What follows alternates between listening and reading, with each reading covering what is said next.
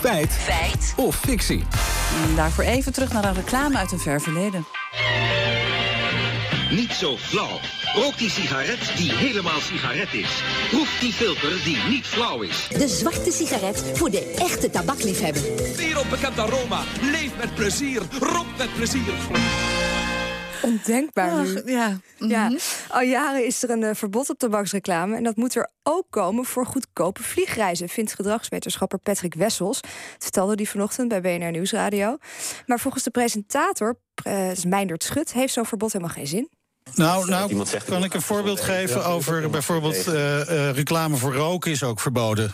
Maar die is niet minder wordt niet minder gerookt. Dus je kunt je afvragen, werkt het? Dat zou zomaar kunnen. Nou ja, die cijfers Ja, nee, zijn duidelijk. Die, die- er wordt gewoon niet minder gerookt.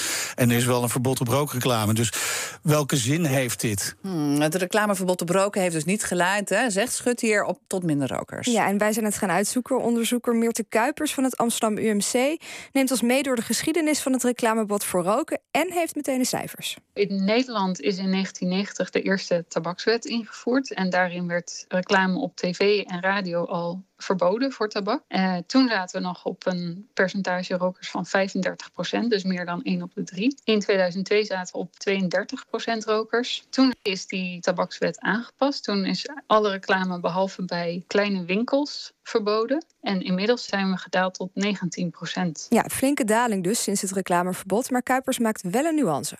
Nou, deze afnames in roken zijn natuurlijk niet allemaal te danken aan dat reclameverbod. Er is nog veel meer gebeurd over de tijd, veel meer tabaksbeleid wat is ingevoerd. Maar we zien in, in verschillende onderzoeken vanuit verschillende landen dat er wel een effect is van een reclameverbod op het aantal rokers. Bij die studies gaat het wel met een kleine vermindering. Dan eh, moet u denken aan zo'n 3% afname in tabaksconsumptie van de bevolking. Ja, maar dit zijn internationale studies. Hoe zit het in Nederland? Ja, dat weet Anton Kunst, hoogleraar sociale epidemiologie. Hij was een van de onderzoekers die het effect bestudeerde van het verbod op, op tabaksreclames in 2002.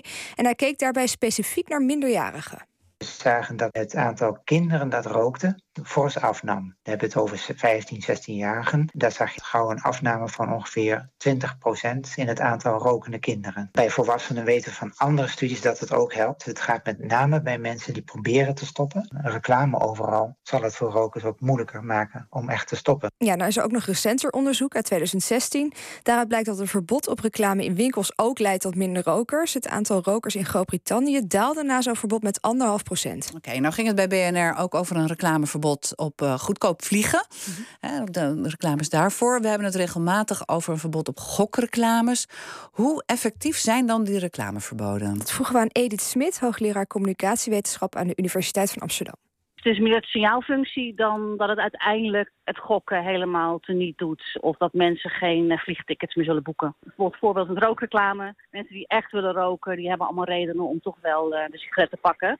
En mensen die twijfelen, dan zou het een insectje kunnen zijn. Oké, gaan we naar de conclusie. Ja, mensen die willen roken zullen dat blijven doen, reclameverbod of niet. Maar het verbod op tabaksreclame heeft wel degelijk geleid tot minder rokers. Zeker mensen die willen stoppen. En jonge rokers zijn minder geneigd een pakje sigaretten te kopen.